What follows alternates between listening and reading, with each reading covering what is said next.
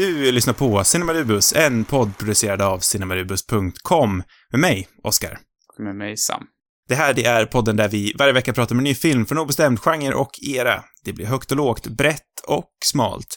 Mycket historia, kuriosa och till sist så ställer vi oss själva frågan, måste man verkligen se den här filmen innan man dör? Veckans film, det är Jag är Ingrid, regisserad av Stig Björkman. Mm. Den filmen hade sin urpremiär den 28 augusti 2015. Kan inte du berätta lite mer vad den här filmen handlar om? It takes courage to take all the makeup off and uh, really show what you are. One word to define Mama, I would say charm.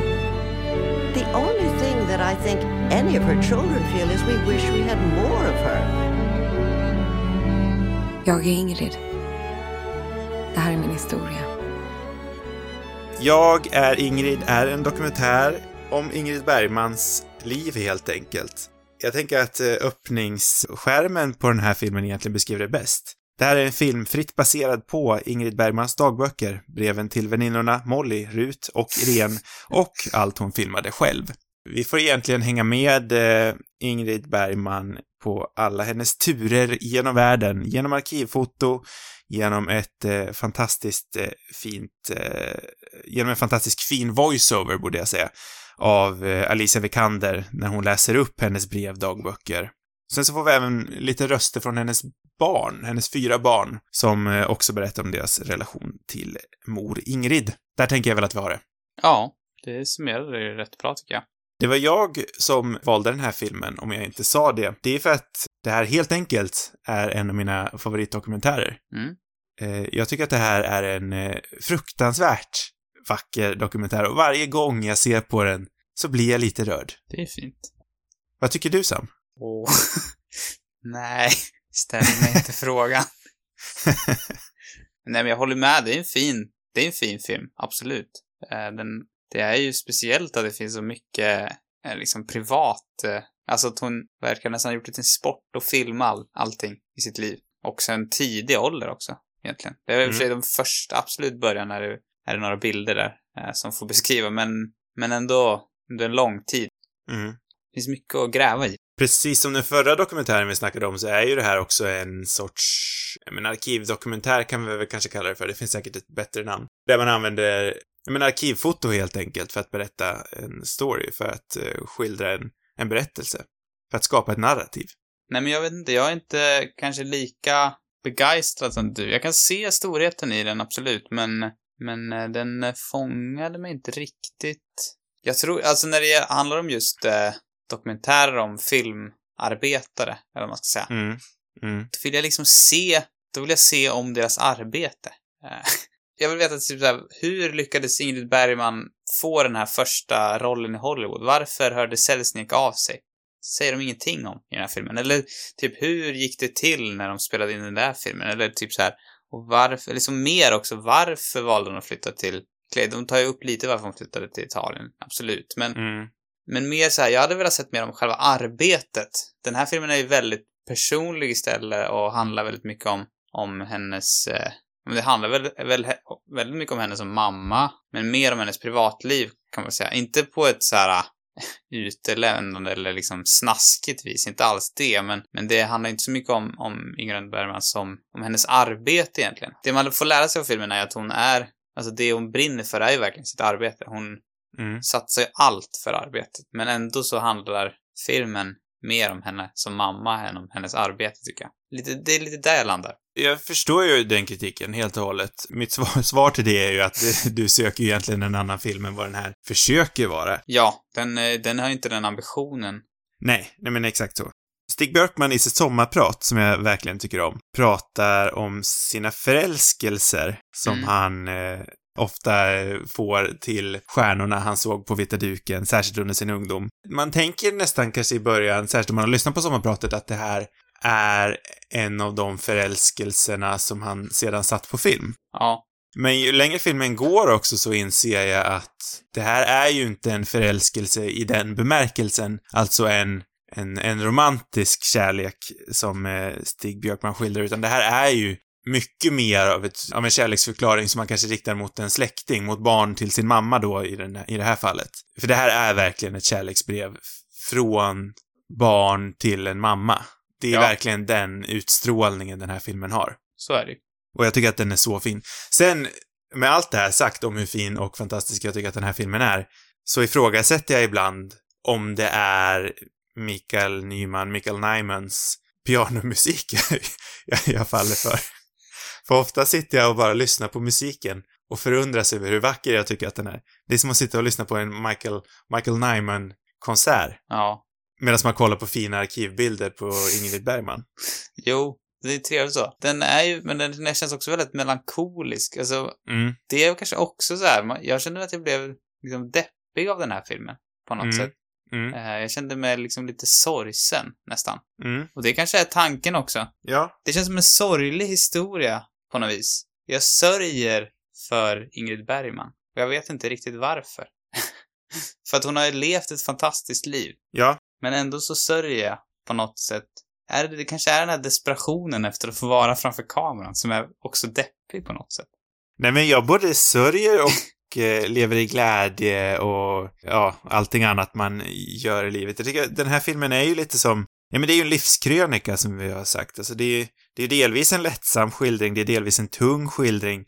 Eh, den skyler liksom aldrig det tunga som Ingrid Bergman har gått igenom med alla hennes romanser och ja, men särskilt kanske hur tungt Pia, hennes äldsta dotter, eh, tog det när Ingrid lämnade. Eh, den här filmen är ju, alltså livet går i vågor och varje vågsvall som den här filmen skildrar känns ju av. Det kommer både lätta vågor, det kommer tunga vågor. Jag, jag, jag tycker verkligen att det, det här är en rollercoaster of emotion. Jo, men det är ju en gripande del i, i filmen. Så är det ju absolut. Man hade velat veta mer varför, liksom, eller man förstår att de vill liksom, jaga den här karriären. Det är det som är intressant, eller det som, eller som Stig Björkman också snackar mycket om är just eh, liksom den feministiska sidan, eller att Ingrid Bergman var liksom tidig för sin tid, att hon jobbade på mer samma villkor som männen på, i en tid som inte var vidare jämställd, liksom där kvinnor Mm. stannade hemma, eh, var hemmafruar, tog hand om barnen och någon karriär var det liksom inte talan om. Medan Ingrid Bergman, hon har verkligen en karriär och hon prioriterar sin karriär. Hon, prioriterar också sina barn, men hon väljer liksom bort dem på sätt och vis också. Och eh, i ett, eh, ja, det där var vi väl lite inne på förra veckan också med en, eller som till exempel Ingmar Bergman, så är det väl kanske no, en, aldrig någonting som ens ifrågasattes, inte på den tiden speciellt mycket tror jag. Nej. Eh, I dagens eh, liksom, samhälle så ifrågasätter vi det mer, men det finns fortfarande samma liksom, struktur i samhället där. Att en man som, som lämnar sin familj eller är borta och jobbar mycket Mm. kritiseras Mm. inte alls lika mycket som en kvinna som gör det. Den aspekten är väldigt intressant med den här filmen. Sen så, eh, det, det utesluter ju inte att det kanske finns en- viss, ett visst eh, osympatiskt drag även hos en kvinna som på något sätt liksom överger sin dotter för, för många år liksom. Alltså förstår du vad jag menar för någonting? Det är inte, det, det blir bara mer problematiskt för att historiskt sett så har kvinnor liksom blivit kritiserade helt orimligt på den biten och, och som liksom, ja. Det är intressant att se, för i det här fallet så blir det, är det ju, vet hennes man som kanske tar det ansvaret mera. I alla fall den första mannen. Eh, nu Ja, inte den andra mannen, han är italienare. Minnet där. Nu kommer mina fördomar. Precis. Eh, inte Bertolucci, utan eh, Rossellini. Såklart. Han, eh, ja, de lämnade ju barnen båda två och de bodde någon annanstans. Sa de någonsin vad... När de skilde sig så bodde barnen någon annanstans ju. De bodde ju inte hos någon av föräldrarna. Nej, jag vet inte vart de bodde. Sa de någonsin vilken sorts, vilken sorts hus det var de bodde i? Jag tror inte det, va? Nej. Jag tror inte heller det. Men eh, Pia, jag, jag älskar ju när Pia är med här, för det finns ju uppenbarligen en stark inre konflikt här. Hon säger ju att hon har förlåtit sin mamma, att hon har eh, kommit över det liksom, men det är ju ändå ganska uppenbart att det här är ju ett öppet sår som fortfarande liksom osar med infekterat var. Jag tycker man känner det med alla barnen också, de hon fick med Rossellini. Så finns det alltså de pratar ju väldigt varmt om henne och hon, hon var ju säkerligen en väldigt varm person. Men det är också svårt Mm. att komma ifrån eh, att de förmodligen känner sig liksom övergivna lite grann. Isabella Rossellini som ändå är, väl är den kändaste av de fyra barnen, skådespelare i sin egen rätt, modell också tror jag väl. Hon är väl den som liksom, eh, som skyltar min, eller skyltar minst med att hon eh, tog illa upp av det här. Men det är väl också för att hon säger att hon ändå kände sig uppmärksammad till exempel när hon fick skolios va. Mm. Men hon har väl också drömt lite om samma liv. Hon drömde ju också om det här nomadlivet. Ja. Kanske har det någonting med det att göra. De andra tre eh, verkar ju ta lite mer illa upp. Ja. För att återgå till Pia så tycker jag att det är så, för hon, hon summerar ju också sin, sin eh, mammas kärlek till kameran till någon slags eh, pappakomplex. Ja, just det. Ja, men hon, hon summerar egentligen alla hennes, alla hennes mammas brister till ett pappakomplex. Mm. Och det, det känns också som att Pia ibland kanske, nu, alltså hon är ju såklart fullt berättigad till sina tankar och känslor om hennes mamma, men eh, det känns ganska också som att hon förminskar Ingrid Bergmans eh, livsval ibland, just för att hon har blivit så sårad ändå, med all rätt. Jag förstår ju att man känner sig sårad och övergiven när ens mamma lämnar en. Särskilt då för att skapa en helt annan familj. De andra tre barnen, de blev ju aldrig lämnade och fick nya styvsyskon på andra sidan jorden. Jag förstår ju att det kan sticka lite extra i Pias ögon. Å andra sidan blev de lämnade båda av sina båda föräldrar. Sen vet inte jag hur långa perioder det var. De kom väl och, kom väl och gick kanske. Jag vet inte. Mm. Men nej, men jag, jag, det tycker jag också, den delen är intressant när hon beskriver just, men för att båda Bergmans, eh, Ingrid Bergmans eh, föräldrar dog när hon var ung liksom. Jag vet inte när dog pappa, hennes mamma dog när hon var väldigt liten. Ja, pappa dog när hon var 12, tror jag. Ja, Citerar mig inte exakt på det året, men där runt omkring. ja. Men hon, hon snackade ju som, ja, som du var inne på lite grann att, att just det här med att kameran, att hennes pappa hade fotat och henne, liksom, eller filmat henne väldigt mycket. Och, Mm. eh, och att det var därför, det var så hon fick hans kärlek och därför var som hon förälskade sig i de här filmskaparna som hon hade relation med Mm. senare. Jag Mm. håller med dig om att det, det känns lite förminskande eh, och förenklande på något sätt. Mm. Eller nästan lite hånfullt. Jag vet inte. Mm. Ja, men verkligen. Fast hon menar ju inte alls så. Nej, men hon säger ju också lite mer sånt här, äh, vet, hur ska man beskriva ett sånt skratt? När man liksom, eh, man säger det som att det är lite på skämt, men det är så tydligt att det finns ett allvar där i. Mm. Om du Jo, förstår vad jag menar. Jo. Men jag, jag, jag tycker inte riktigt att man får heller den...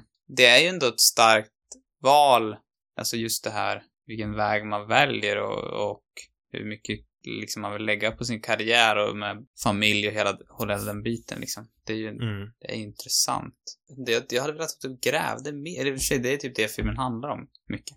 Men, Ja, men jag, jag tycker verkligen att man kommer Ingrid Bergman in på själen. Och jag tror väl att det är det som är det egentliga syftet. ja. Sen behöver ju inte du tycka det såklart, men jag känner verkligen att man gör det och mycket är ju också på grund av det här dramaturgiska valet att iscensätta hennes, eh, eller att dramatisera kanske rättare sagt hennes eh, brev och dagböcker med hjälp av Alicia Vikander som jag tycker är så otroligt bra i sin voiceover här. Ja, jag håller verkligen med. Eh, Det är en väldigt viktig del. Jag lyckades ju, jag skulle ju kolla på den här först och lyckades få med den engelska voiceovern istället. Vilket säkert, det är säkert inget för på den heller. Det är ju med, med Linda Kinnaman. Precis. Men du hade ju snackat så varmt om Lisa Vikander innan, så det, det hade blivit lite konstigt. Jag kände inte heller att jag orkade se båda versionerna. Du borde ju kanske ha satsat på det. Ja, nej, jag, jag har bara provlyssnat. Jag hade ingen aning om att Melinda Kinnaman hade gjort en engelsk version på den här. Eh, personligen tycker jag inte ens att det är i närheten lika bra, men jag har inte sett på hela, hela heller, eh, utan bara hoppat omkring lite. Eh, jag undrar om det här kom på tal efter de gjorde Bergman Island ihop, eller om det var på tal innan, eller någonting. För de två delade ju en scen i Bergman Island förra veckan, eller i förra veckans film. Men den kom väl långt efter? Eller? Jo, för, för den här, om jag, om jag förstår det rätt nu, så, så hade Jag är Ingrid ingen engelsk version i början. För jag tror att Alicia Vikander var väldigt, eh, väldigt på att den här filmen skulle vara på svenska. Att Ingrid Bergmans dagböcker skulle läsas upp på svenska just eftersom de skrevs på svenska. Ingrid Mm. Bergman fortsatte att skriva dagböckerna på svenska även fast hon globetrottade och befann sig i England eller befann sig i Italien eller befann sig i, i Hollywood eller Paris. Eh, så fortsatte hon med det och eh, För, för Alicia hade till exempel varit mer än kapabel till att läsa upp eh, den här voiceovern på engelska. Det gör hon ju till vardags hela tiden. Men hon var tydligen väldigt påstridig att det här ska göras på svenska. Det får man ju ändå vara otroligt tacksam för också.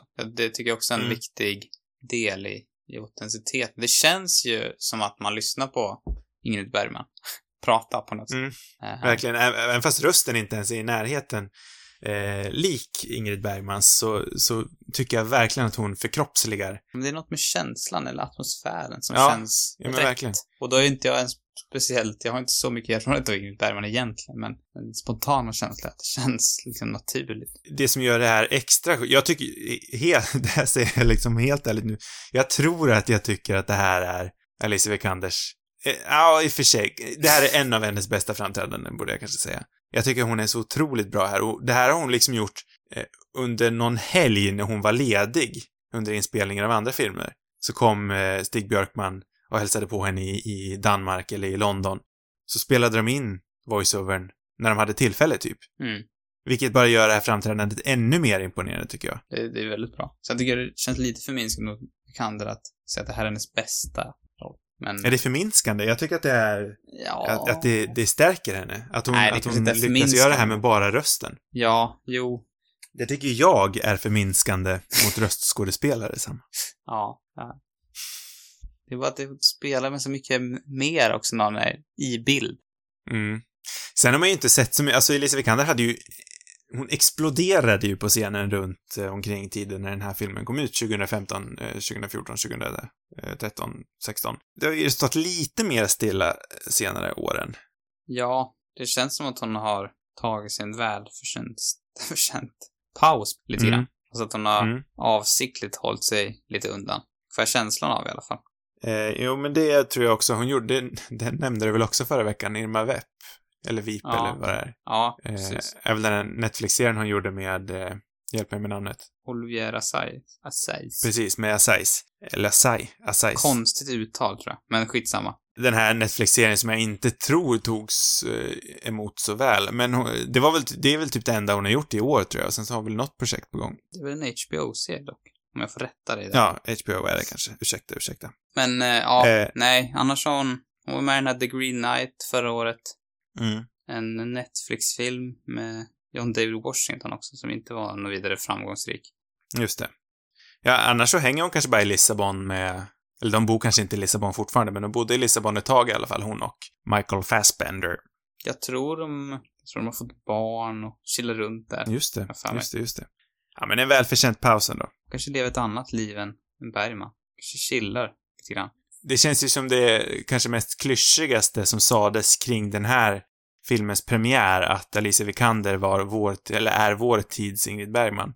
Ja, det är aldrig kul att bli, eller ja, det är, det är såklart en otrolig ära. Men det är också trist att inte vara sig själv på något sätt. Det här har ju blivit eh, återkommande nu tre veckor i rad, det här med att man, man liknar eh, filmarbetare med andra. Ja, sant. Det, Och nu händer det igen.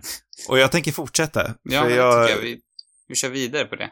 Det här är ju lite egentligen av vårt gamla programsegment Lika som bär. Fast kanske en liten Ja, twist på det. Var poängen med lika som bär? Nej, det var och för att folk var lika, ja. Ja, det är sant. Mm. Fast det behövde inte Ja, vara det, det är inte riktigt lika som bär, men det, det finns en, eh, en likhet där ändå. Eh, jag nämnde lite som hastigast förra veckan att Stig Björkman känns som en svensk Peter Bogdanovich. Mm. Den eh, numera bortgångne amerikanska, en gång store regissören. Ja. Jag, jag tycker det finns otroliga liknelser där egentligen, för båda två är ju filmvetare av rang. Eh, har recenserat, har intervjuat, eh, har liksom en djup kunskap om filmhistorien. Har gjort eh, dokumentärer, har gjort eh, spelfilmer, har gjort kortfilmer.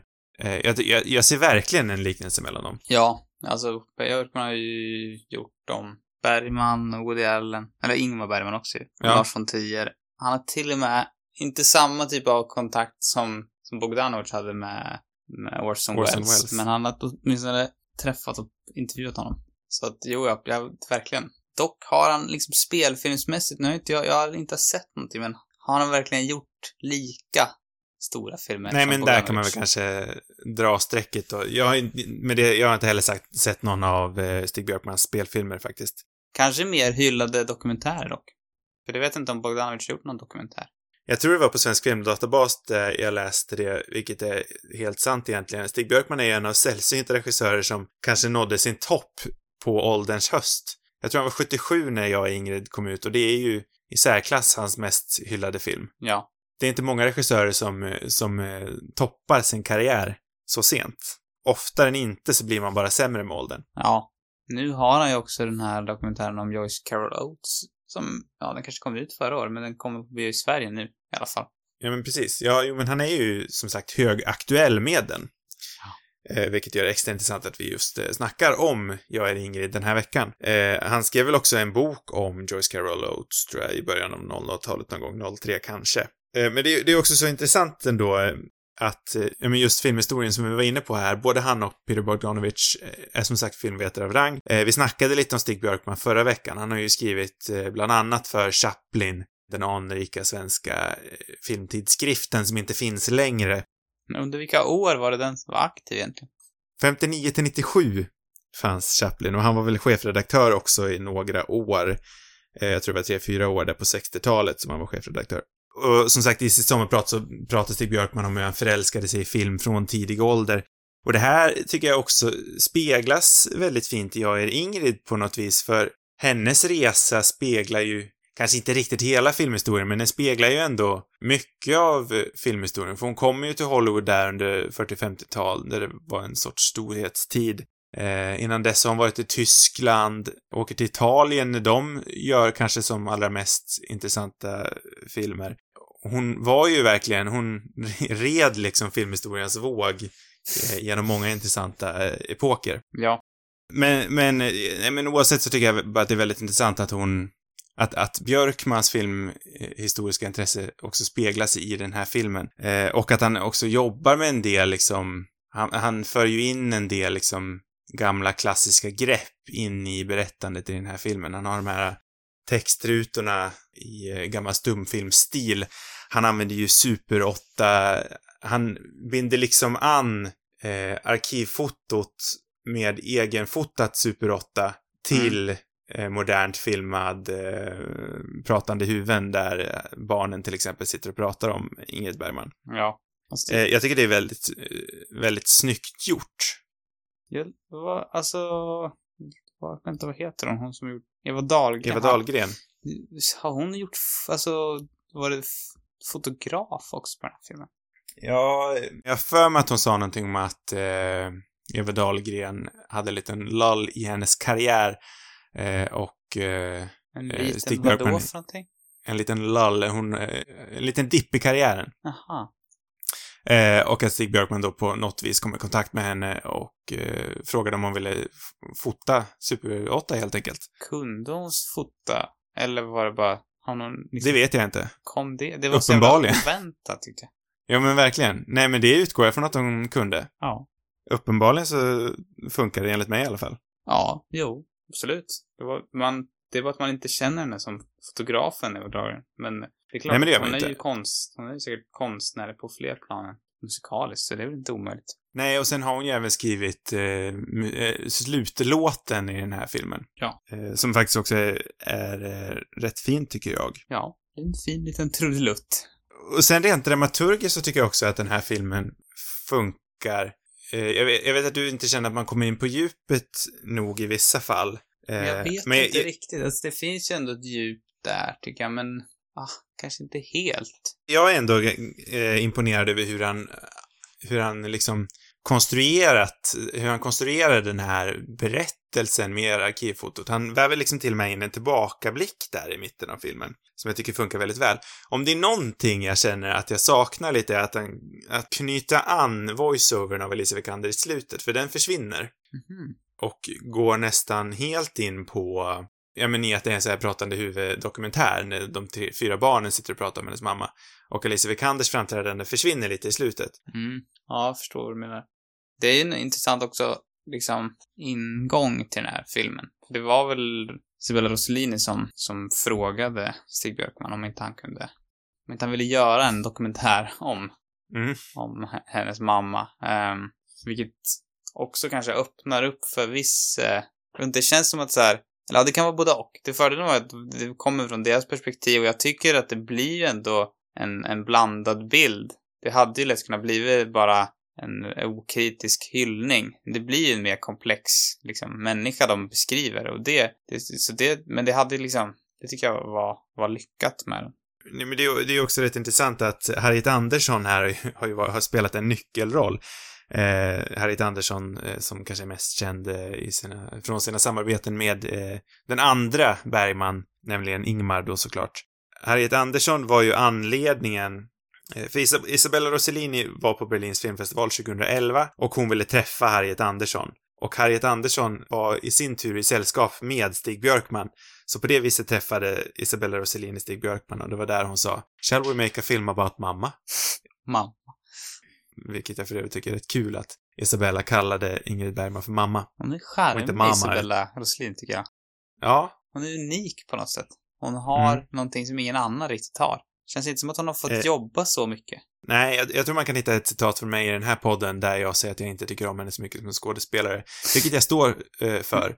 Men jag, jag tycker hon är charmig som person. Jag gillar att lyssna på henne. Det hade kanske är att hon, alltså i rätt roller tycker jag hon är väldigt bra. Eh, Det jag tycker framförallt i Lynch film. Då. Mm. Ja, jag, jag, jag kan med handen på hjärtat säga att jag har lite svårt för hennes eh, skådespelarinsatser. Du är förmodligen inte ensam eftersom det känns, känns som att hon inte har, ja, jag vet inte vad hon gjort egentligen. Hon har ingen Hon har inte riktigt haft den här karriär. kometkarriären. Nej. Hon har ju också jobbat Eh. i uppförsbacke fast också nedförsbacke om man ska säga. Eh, Men på ta, på ta, för att knyta an det här lite snyggt, på tal om kometkarriär, så har vi Alice Vikander. Och Alice Vikander, hur hon kom in i den här filmen, det har också med Harriet Andersson att göra. För Harriet Andersson, hon satt på uh, juryn när de European Film Promotion utsedde det här årliga Shooting Star, eh, pris är det väl kanske inte, men- men de utser ju årligen en Shooting Star. Mm. Eh, och Alicia Vikander eh, blev det ett år då Harriet Andersson satt i, i juryn. På så vis så knöt även Stig Björkman och Alicia Vikander kontakt. Just, intressant. Mm. Bara för att knyta ihop säcken där med Harriet Andersson och eh, Stig Björkman. Ja. Som också, de två har gjort en del eh, spelfilmer ihop. De här som vi nyss sa att vi inte har sett. Man kanske borde se någon av de här gamla, man blev ju nyfiken. Han snackade ju i sitt sommarprat mycket om gamla anekdoter också. Mm. Droppade många kända namn och sådär. Mhm. Så blev man lite nyfiken. En klassisk story var ju också den här gången han var på Cannes och 68 när, Mm. när Godard och Nya Vågen-gänget stängde Mm. ner hela festivalen halvvägs igenom. Det är så roligt tycker jag när man lyssnar på intervjuer med samma person. Att, eller man känner det när man lyssnar på intervjuer med, med publika personer. Så liksom ser man, ju längre, ju fler man lyssnar på desto så hittar man liksom den där historien som återkommer i mer eller mindre ordagrant samma form. De har slipat den under åren. Ja, den blir bättre och bättre. Jag vet inte hur Ja. bra. Alltså den är ju stark för att det är så många liksom kreddiga namn i den. Jag vet inte hur rolig själva historien egentligen är. Jag hade väldigt gärna The Plot Thickens, Turner Classic Movies eh, dokumentärpodd. Den första säsongen av den var ju riktigt bra, där eh, de intervjuade där Ben Mankiewicz intervjuade Peter Bogdanovich för att återkoppla till honom Mm. eh, och gick igenom hans karriär. Jag tyckte det var väldigt bra. Jag hade otroligt gärna sett ett liknande projekt med Stig Björkman, när någon satte sig ner, intervjuade Stig Björkman liksom i helhet och i djup detalj om alla människor han har pratat med och alla filmiska resor han har gjort. Det tror jag hade varit ovärderligt att eh, arkivera på något vis. Jag känner mig lite splittrad till den där typen av grejer. På samma gång som jag liksom käkar i mig det. det Ja. så, så känns det också så här. Det blir någon sorts självrunkeri nästan. Men absolut. Är det ett självrunkeri om någon annan intervjuar? Nej, ja, jag vet inte. Den där, ja, den, ja, nej det är det inte. Det är bara en sån klassisk, klassisk avrunkning då. Är det det du tänker? Ja, jo, men, ja, jo. En klassisk avrunkning, fast det, det, är det liksom, kan man väl. fast av en annan avrunkare på något sätt. Ja, nu tappar du mig. vart det för djupt nu i... Nej, det vart för många, det vart för många händer med i leken här. Ja, men det är just Eh. det som är lurigt med den där. Det är därför jag inte vet vad jag tycker om det. Jag, fast Nej. jag kan ju inte låta bli heller, jag gillar ju att höra om de där anekdoterna. Det är någon, på något sätt är det någon som har varit med i historien liksom. Det är ganska, alltså fattigt egentligen. Alltså inte alla de här historierna, vissa historier är ju bra liksom. Jag gillar ju den här anekdoten om, om, om när han träffade Orson Welles är ju mycket bättre. För den, den Mm. liksom säger ju någonting mer. Mm. Medan den historien om, om, på, om Cannes, när de stängde ner festivalen, det är ju Men det var ju också då han träffade liksom sin fru. namn. Inte så mycket innehåll. Det var väl också den Cannes-festivalen han träffade sin fru. Ja, det är möjligt. Som han knöt an till vidare i sommarpratet. Så jag, jag, jag köper det med hull och hår. Ja. Jag hade i alla fall mycket gärna lyssnat på, på ett, eh, ett liknande program med Stig Björkman där han figurerar som intervjusubjekt. Sen så har han ju såklart dokumenterat väldigt mycket själv av sina egna resor och så, men eh, det, det tillför alltid när det är någon annan som liksom för, för intervjun, tycker jag. Mm. För att göra en hårdvändning tillbaka igen till Alice Vikander. Inte så fina övergångar här. Men visst är det rätt intressant att det här måste väl vara hennes sista svenska film? Kanske inte någonsin, definitivt. men... Nej, men den, den senaste svenska filmen hon gjorde i alla fall. Är Hon, gjorde ju, hon har gjort Euphoria efteråt med Lisa Langstedt, men räknas det som en svensk film? Det kanske det gör. Jag vet inte. Eh, Lite. oavsett så tycker jag det är intressant att hon inte har, har jobbat eh, på svensk mark sedan 2015. Lite tråkigt kan jag tycka också. Kommer hon komma tillbaka tror du? Lite som, som Ingrid Bergman till slut gjorde också. När hon jobbade med Herren Bergman. Precis. En film jag för övrigt borde se. Jag med. Det var ju också intressant. Det kanske inte har pratat så mycket om, men, men att hon också, alltså inte bara stack ut på det viset att hon liksom försökte jobba med samma förutsättningar som män, men att hon också eh, på något sätt slogs lite för det här naturliga. Eller jag har hört någonting om att hon, alltså den där klassiska när kvinnor kom till Hollywood så skulle det liksom, då var det någon makeover liksom Mm. som hon stred och att hon stod upp för det och det är där de snackar lite om det i filmen också när Bergman är hon oroade sig när hon var, hon var ju äldre då när hon spelade den här filmen med Bergman och att, att vad skulle hennes fans tycka om det här när hon liksom såg äldre och kanske lite liksom osminkad ut, typ. Hur, hur skulle hennes fans ta emot det? Det, det, var, det är ju också en intressant aspekt av det hela, typ att hon gjorde som hon själv ville. Eller det här var i och för sig kanske inspirerat av vad han tyckte, men, men åtminstone tidigare liksom. Att, Mm. att hon inte följde de tidigare satta reglerna. Eller att hon bröt upp med Hollywood och bara, nej men nu ska jag jobba i Italien istället. Och att hon hade lite av det här fuck you-biten. Det gillar man ju. Eh, Det tycker jag är liksom en av de bästa bitarna i dokumentären. Det hade jag kunnat tänkt mig att se mer av liksom. Sen så finns det ju många av de här privata delarna faller ju in i det där också för att, eh, ja men exempelvis när hon flyttade till Italien så hade hon ju haft den här affären med, med Rossellini. Och då vart han ju, det sågs ju väldigt, så att hon vart väldigt dissad i USA efter det för att hon hade tidigare liksom sett som ganska präktig och hade liksom en positiv bild och sen bara på grund av, av det så blev hon väldigt smutskastad i medierna. Vilket jag, jag har svårt att tänka mig att en, en man eh, på då, då, under den tiden hade, hade blivit. Så är det utan tvekan. Eh, ja, men det talar ju väldigt mycket för vem hon var som person, som du säger. Men också det som du tar upp här med, med den här os, os, osminkade, jag menar att hon vågade vara osminkad. Ja, det är ju en väldigt fin så här, cirkelkomposition som jag, jag vet inte om den är medveten, men en, jag tror att min favoritbild i den här filmen är någonstans i början när Bergman först kommer till Hollywood och de har ett eh, smink, eller de har ett kameratest där Ingrid Bergman sitter utan smink. Och hon gör egentligen inte någonting, hon sitter där på en soffa. Vet du vilken bild jag pratar om då? Mm. Just den bilden tycker jag talar så otroligt mycket för eh, den hon var. Hon är liksom, hon fångar en komplett. Och det, det är svårt att beskriva varför. Men det är ju någonting så, för hon är ju inte bara liksom väldigt vacker, utan det, det är också, det, det finns ett liv och jag menar, en, en Närvaro. vigör i ja, men, ja, en närvaro. Kanske lite klyschigt att säga. Men ja, en närvaro finns Ursäkta verkligen. mig, jag ville verkligen säga närvaro. men du vågade inte. Jag försökte undvika Ibland måste man använda Eh, sig av klyschor för att få fram Mm. sitt budskap. Så är det.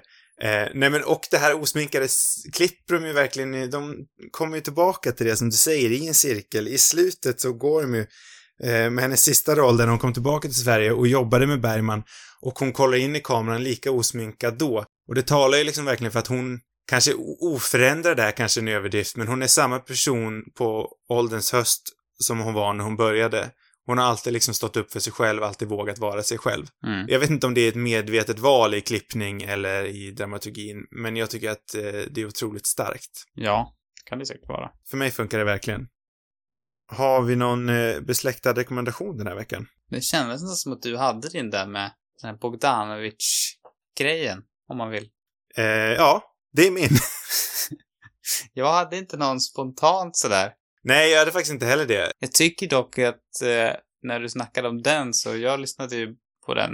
Men också Karina Longworth, den här You Must Remember This, tror jag det var. Precis. Som gjorde en dokumentär som handlade om Bogdanovich eh, fru, eller ex-fru, Polly Platt. Den handlar om, om hennes perspektiv. eh, där kanske inte Bogdanovich eh, målas ut samma liksom hyllande som det är i den andra. Det hade man väl haft här också. Ett annat perspektiv kanske. Nej, jag, jag, jag landar ju som jag sa tidigare. Jag tycker att filmen är, med tanke på liksom utgångsläget så är den, den ser, ser vet du, Bergman från många olika perspektiv. Men Bogdanovich tycker jag definitivt behö, behövs se från andra perspektiv också. Jag gillade verkligen den podden och jag, jag eh, tycker det är väl väldigt intressant att höra eh, Peter Bogdanovich eh, prata om sin historia såklart. Men kanske hade någon slags kritisk fråga gjort podden gott. Jag tror att Bogdanovich, ibland gillar man ju också att höra ett, för att han känns inte som en kanske jätteskön typ, om man får vara fördomsfull. Han känns ganska egocentrerad. Och egocentrerade personer kanske, ja, för det första är det ganska trevligt att höra på dem också om de har någonting bra att berätta, även fast man kanske tycker Mm. de är osympatiska till viss del. Det känns också som att de öppnar upp och berättar ännu mer om de har en väldigt så medgörlig eller beundrande Mm. eh, journalist eller intervjuare. Om han istället hade ställt kritiska frågor så tror jag Bogdanovich hade stängt sig och inte velat berätta mer. Det hade varit sur istället. Så då är det bättre att man, man lyssnar på en, en, en annan dokumentär som ser det från en annan synvinkel eller som har ett annat perspektiv på det hela. Den kommer ju också från ett utomstående perspektiv. Men jag, jag, jag, jag förstår din kritik. Du har väl helt rätt egentligen. Mina besläktade rekommendationer den här veckan är väl The Plot Thickens säsong 1 av eh, Ben Mankiewicz, vars eh, farfar eller morfar skrev eh, Citizen Kane. På tal om ingenting. Och såklart så rekommenderar jag Stig Björkmans sommarprat, eh, som jag eh, tycker är väldigt bra. Eh, ingen filmrekommendation den här veckan, utan tre poddrekommenderingar. Mm. Eh, sen tänker jag att min sista, jag brukar ofta ha en så här liten inflik med en observation som kanske inte har med någonting riktigt att göra egentligen. Men jag älskar eh, Stig Björkmans look från vad jag antar är typ 70-talet. Oh, den med muschen. Den med muschen, det är en fantastisk look. Han ser ut som att han är med i Utvandrarna, typ. Han ser ut som en vuxen Emil i Lönneberga tänkte jag säga. Ja. Men det är väl ungefär samma ja, sak. det, det var inte helt fel. Vem gillar inte den? In, på tal om ingenting och binder inte ihop till någonting vi tidigare pratat om heller. Men eh, fantastisk look. Stig, om du fortfarande kan, väx ut en mustasch. Ja, eller inte. Eh, känner vi oss klara där? Tror vi är klara. Förutom att eh, du inte har svarat, måste man se den här filmen innan man dör? Eh, Svårt den vet du här vad, det är, veckan. faktiskt, det är faktiskt nästan så att jag säger ja den här veckan, för att jag tycker att den här dokumentären är superbra. Jag säger nej, men eh, Ja, däremot eh, tycker jag att Grizzly Man, den, den borde man se när man dör. Den är också fantastisk. Grizzly Man och eh, Jag är Ingrid är två av mina absoluta favoritdokumentärer. Otydlig koppling där kanske om man inte har lyssnat på förra veckans avsnitt, men det är den enda andra dokumentären vi har snackat om. Precis, jag, vi nämnde ju lite av det i början. Grizzly Man är ju eh, den enda dokumentären vi har pratat om. Kanske en skam, kanske inte en skam. Eh, men nu har vi snackat om två, det kan jag konstatera i alla fall. Mer än nog. nej, Mer än nog, aldrig igen. aldrig igen. Ett år till nästa gång kanske. Du tycker inte att man ska se den här filmen innan man dör. Jag tycker att man faktiskt kan se den innan man dör om man vill. kan. Så, så svagt. Det är där man hamnar varenda gång. Det, men jag är Ja, inte men det är det jag kritisk. sa i början, ska vi inte bara dumpa det här program, programpunkten? Ja, jo, kanske nästa vecka. är är det det som blir nästa nu? Att vi ska vela om vi ska dumpa den här varenda vecka? Ja, det är en följetong. Jag Innan vi tänker, äntligen slår i kast och gör det. jag tänker, jag vill tänka på det där till nästa vecka. Mm, bra. Då gör vi det. Ja. Eh, Sam, har du valt en film till nästa gång vi poddar? Det börjar närma sig oktober och eh, som ett återkommande, jag vet inte hur många gånger vi har gjort det egentligen, men ett återkommande, en återkommande grej är väl våran skräcktober. Vi river väl av det med The Fog från 1980 av herren Carpenter. Och eh, lanserar också, vad, vad var det du kallade det för någonting? Skräck. Nej, Skräcktober. Förra, förra gången vi hade Skräcktober, för två år sedan blir det ju vid det här laget, så hade vi tema skräck jorden runt. Årets tema, det är väderskräck. Yes. Sa du vilken film du valde? Eh, ja, The Fog. Ja, Sa jag. Precis. Av John Carpenter. Av från John Carpenter. 1980. När du lyssnar på inspelningen i efterhand kommer du höra att jag har sagt exakt dessa ord en gång tidigare. Bra. Jag dömer inte för att jag brukar också zona ut ibland när du pratar. Bra. Då kan man kanske eh, giss, försöka gissa sig fram till vilken film eh, jag kommer välja till eh, väderskräckstemat. Lämna en kommentar. Eller skicka in ett mejl, vilket ni kan göra till cinemarubus@gmail.com. Eller så skickar ni in det till våra sociala medier. Det heter vi Cinemarubus på Instagram och Twitter. Flera avsnitt, de hittar ni på cinemarubus.com eller valfri poddlyssningsmaskins-app-sak. Ja. God natt allihopa, så hörs vi på Halloween! God natt. Kör, Karin.